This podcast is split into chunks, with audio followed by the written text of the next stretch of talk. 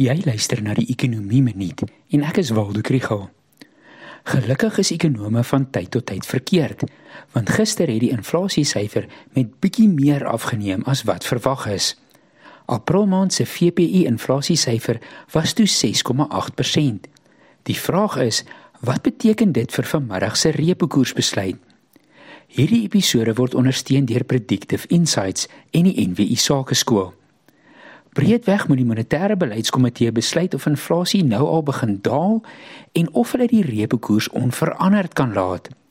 As hulle dink dat daar is risiko's dat inflasie bo die teikenband kan bly, moet hulle optree en die repo verhoog. Inflasie het in Februarie en Maart maand met 0,1 persentasiepunte gestyg en nou in April met 0,3 persentasiepunte gedaal. Dit is positief en moet gesien word saam met die afname in produsentepryse in Maart maand. Ons hoor later vandag wat met April maand se PPI gebeur het. 'n Ander ligpunt is dat hoewel voedselprysinflasie steeds baie hoog is, dit met 0,1 persentasiepunte het gedaal het.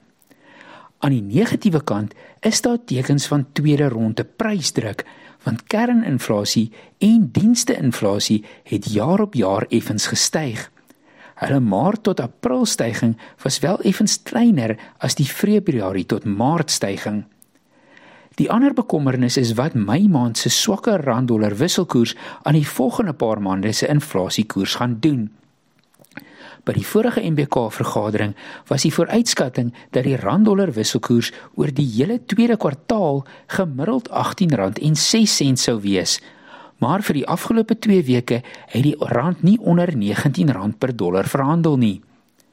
Daar is die argument dat hoë fases van beerdkrag die werk van hoë rentekoerse doen en die ekonomie demp en daarom is verdere stygings van die repo koers nie nodig nie.